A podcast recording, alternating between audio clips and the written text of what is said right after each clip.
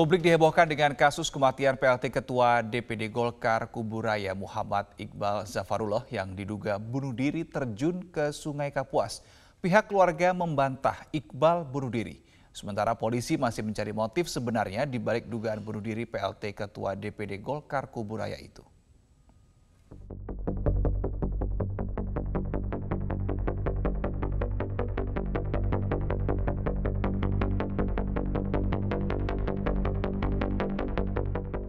Kematian PLT Ketua DPD Partai Golkar Kuburaya Muhammad Iqbal Farullah masih menjadi misteri.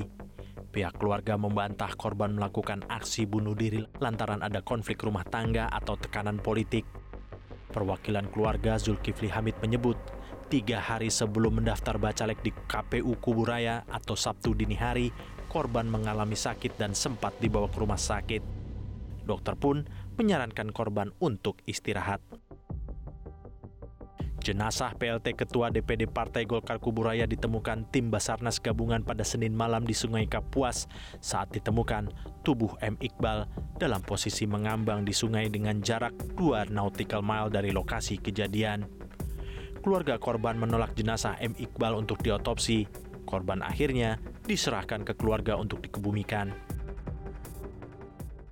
Jadi memang tidak ada, saya tegaskan sekali lagi, tidak ada isu-isu yang berkembang seperti yang mungkin yang telah beredar di lapangan, sama yang disampaikan sama Ketua DPD Golkar Provinsi Kalimantan Barat Bapak Maman Abdul Rahman bahwa memang ada insiden jatuh dari sungai. Jadi memang tidak ada didorong ataupun memang adanya tekanan intimidasi dari pihak mana pun ataupun konflik rumah tangga. Sementara itu, hingga kini kepolisian masih mendalami motif di balik kematian PLT Ketua DPD Partai Golkar Kuburaya M. Iqbal yang diduga melakukan bunuh diri dengan cara terjun ke Sungai Kapuas di Desa Kuala II, Kecamatan Sungai Raya, Kabupaten Kuburaya, Kalimantan Barat. Kapolres Kuburaya AKBP Arif Hidayat mengatakan polisi sedang memeriksa lima orang saksi terkait tewasnya korban. Namun Arif enggan membeberkan identitas lima saksi tersebut, apakah dari pihak keluarga atau teman dekat korban. Sedangkan polisi telah memperoleh keterangan sementara dari saksi kunci yaitu istri korban. Polisi telah menjadwalkan memanggil kembali istri korban untuk dimintai keterangannya secara lengkap. Uh, masih masih ini mereka kalau yang memberikan keterangan ini memang masih sementara dalam pengembangan. Kita tunggu saja. Terkait istrinya Pak, kapan ada waktu jadwal pemanggilan Pak?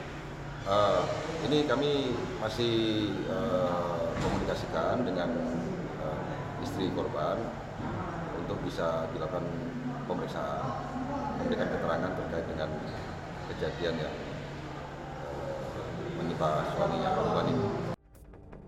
Peristiwa diduga bunuh diri dilakukan PLT DPD Partai Golkar Kuburaya M. Iqbal usai pendaftaran bacalek di KPU setempat.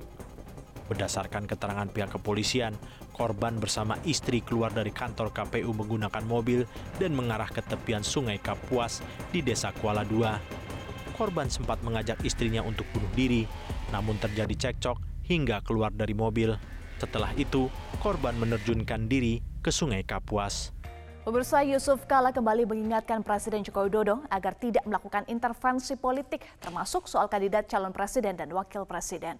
Kala kembali mengingatkan itu setelah Presiden Joko Widodo di hadapan para pendukung yang mengungkapkan dirinya akan membisiki partai politik koalisi terkait dengan sosok capres yang akan didukungnya. Itu bagian saya untuk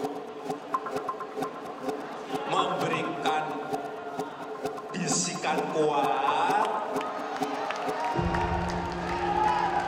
kepada partai-partai yang sekarang ini juga koalisinya belum selesai. Mantan Wakil Presiden Muhammad Yusuf Kala atau JK kembali menanggapi pernyataan Presiden Joko Widodo saat menyampaikan pidato di hadapan relawan pendukungnya di puncak acara Musyawarah Rakyat atau Musra yang digelar Minggu 14 Mei 2023 lalu di Istora Senayan, Jakarta Pusat. JK menyayangkan pernyataan Presiden Jokowi terkait bisik-bisik ke partai politik soal capres dan cawapres pilihan relawannya. JK pun membandingkan kondisi politik saat Megawati Soekarno Putri dan Susilo Bambang Yudhoyono menjabat sebagai presiden yang sama sekali tidak memengaruhi partai politik untuk memilih sosok capres maupun cawapres meski punya kekuasaan sebagai presiden.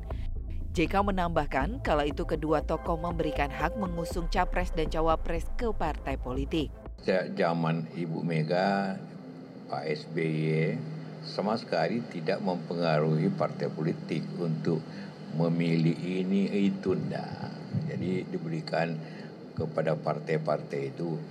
Kemudian bahwa ada koalisi masing-masing tentu adalah cara untuk mencapai aturan karena ini harus mencapai 20 persen partai cuma satu yang bisa mencapai 20 persen karena itu perlu koalisi. Tapi koalisi itu adalah kewenangan masing-masing.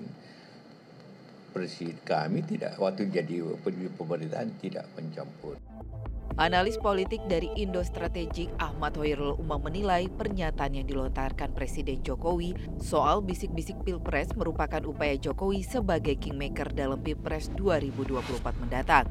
Alih-alih memberi saran maupun masukan politik ke parpol koalisi, pernyataan Jokowi dinilai sebagai intervensi politik. Dia ingin memposisikan diri sebagai kingmaker yang memang masih memiliki pengaruh, bahkan memberikan saran, masukan, dan juga bahkan dalam konteks tertentu juga memberikan dorongan politik. Mungkin bagi sebagian pihak ini dianggap sebagai bagian dari support, tapi di saat yang sama, kalau misal kemudian ini disalahartikan, ini bisa menjadi intervensi politik. Nah, oleh karena itu, orkestrasi yang dilakukan oleh Presiden Jokowi jangan sampai kemudian disalahartikan, kemudian sebagai sebuah upaya untuk mengintervensi dan membuka ruang terjadinya politisasi, eh, politisasi kekuasaan negara.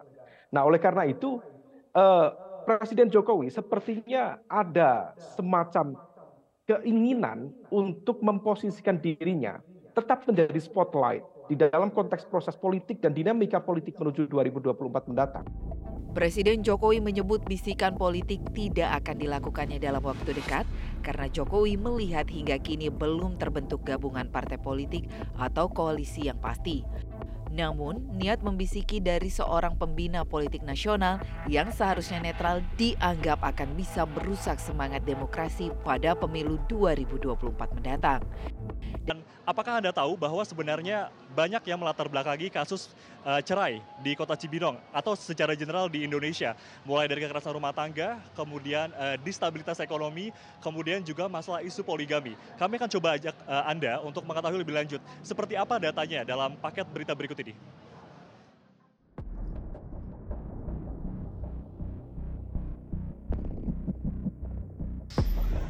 Perceraian bisa dialami oleh siapa pun.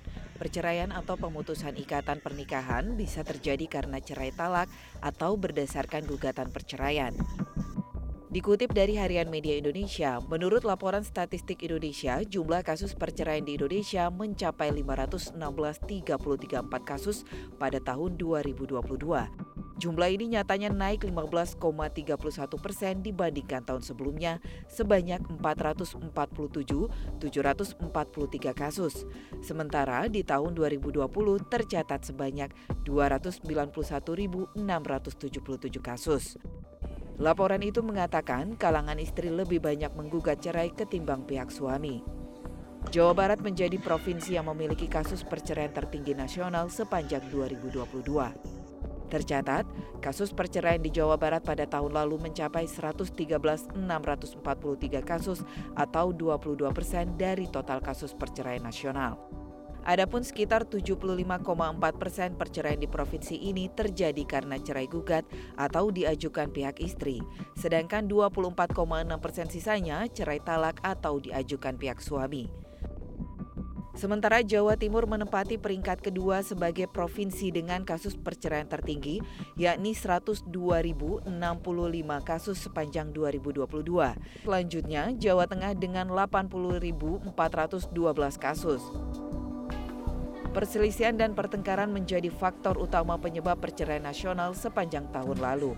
Jumlahnya mencapai 284.169 kasus atau setara 63,41 persen dari total faktor penyebab kasus perceraian di tanah air. Penyebab perceraian terbanyak lainnya adalah karena faktor ekonomi sebanyak 110.939 kasus atau 24,75 persen. Diikuti faktor lainnya, yakni karena faktor meninggalkan salah satu pihak sebanyak 8,78 persen, kekerasan dalam rumah tangga sebanyak 1,1 persen, dan mabuk sebanyak 0,39 persen.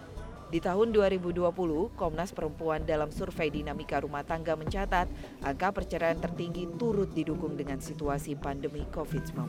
Menteri Sosial Tri Risma hari ini menyarankan semua guru di Kabupaten Jepara melakukan tes kejiwaan. Hal itu dilakukan sebagai salah satu bentuk pencegahan kasus kekerasan seksual terhadap anak di bawah umur.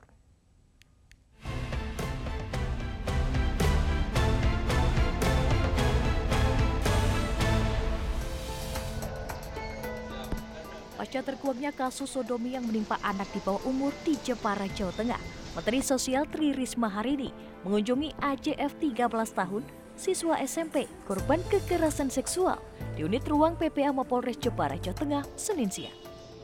Dalam kesempatan itu, Risma mengaku prihatin dengan kasus pencabulan terhadap anak di bawah umur karena bisa berdampak buruk pada kejiwaan.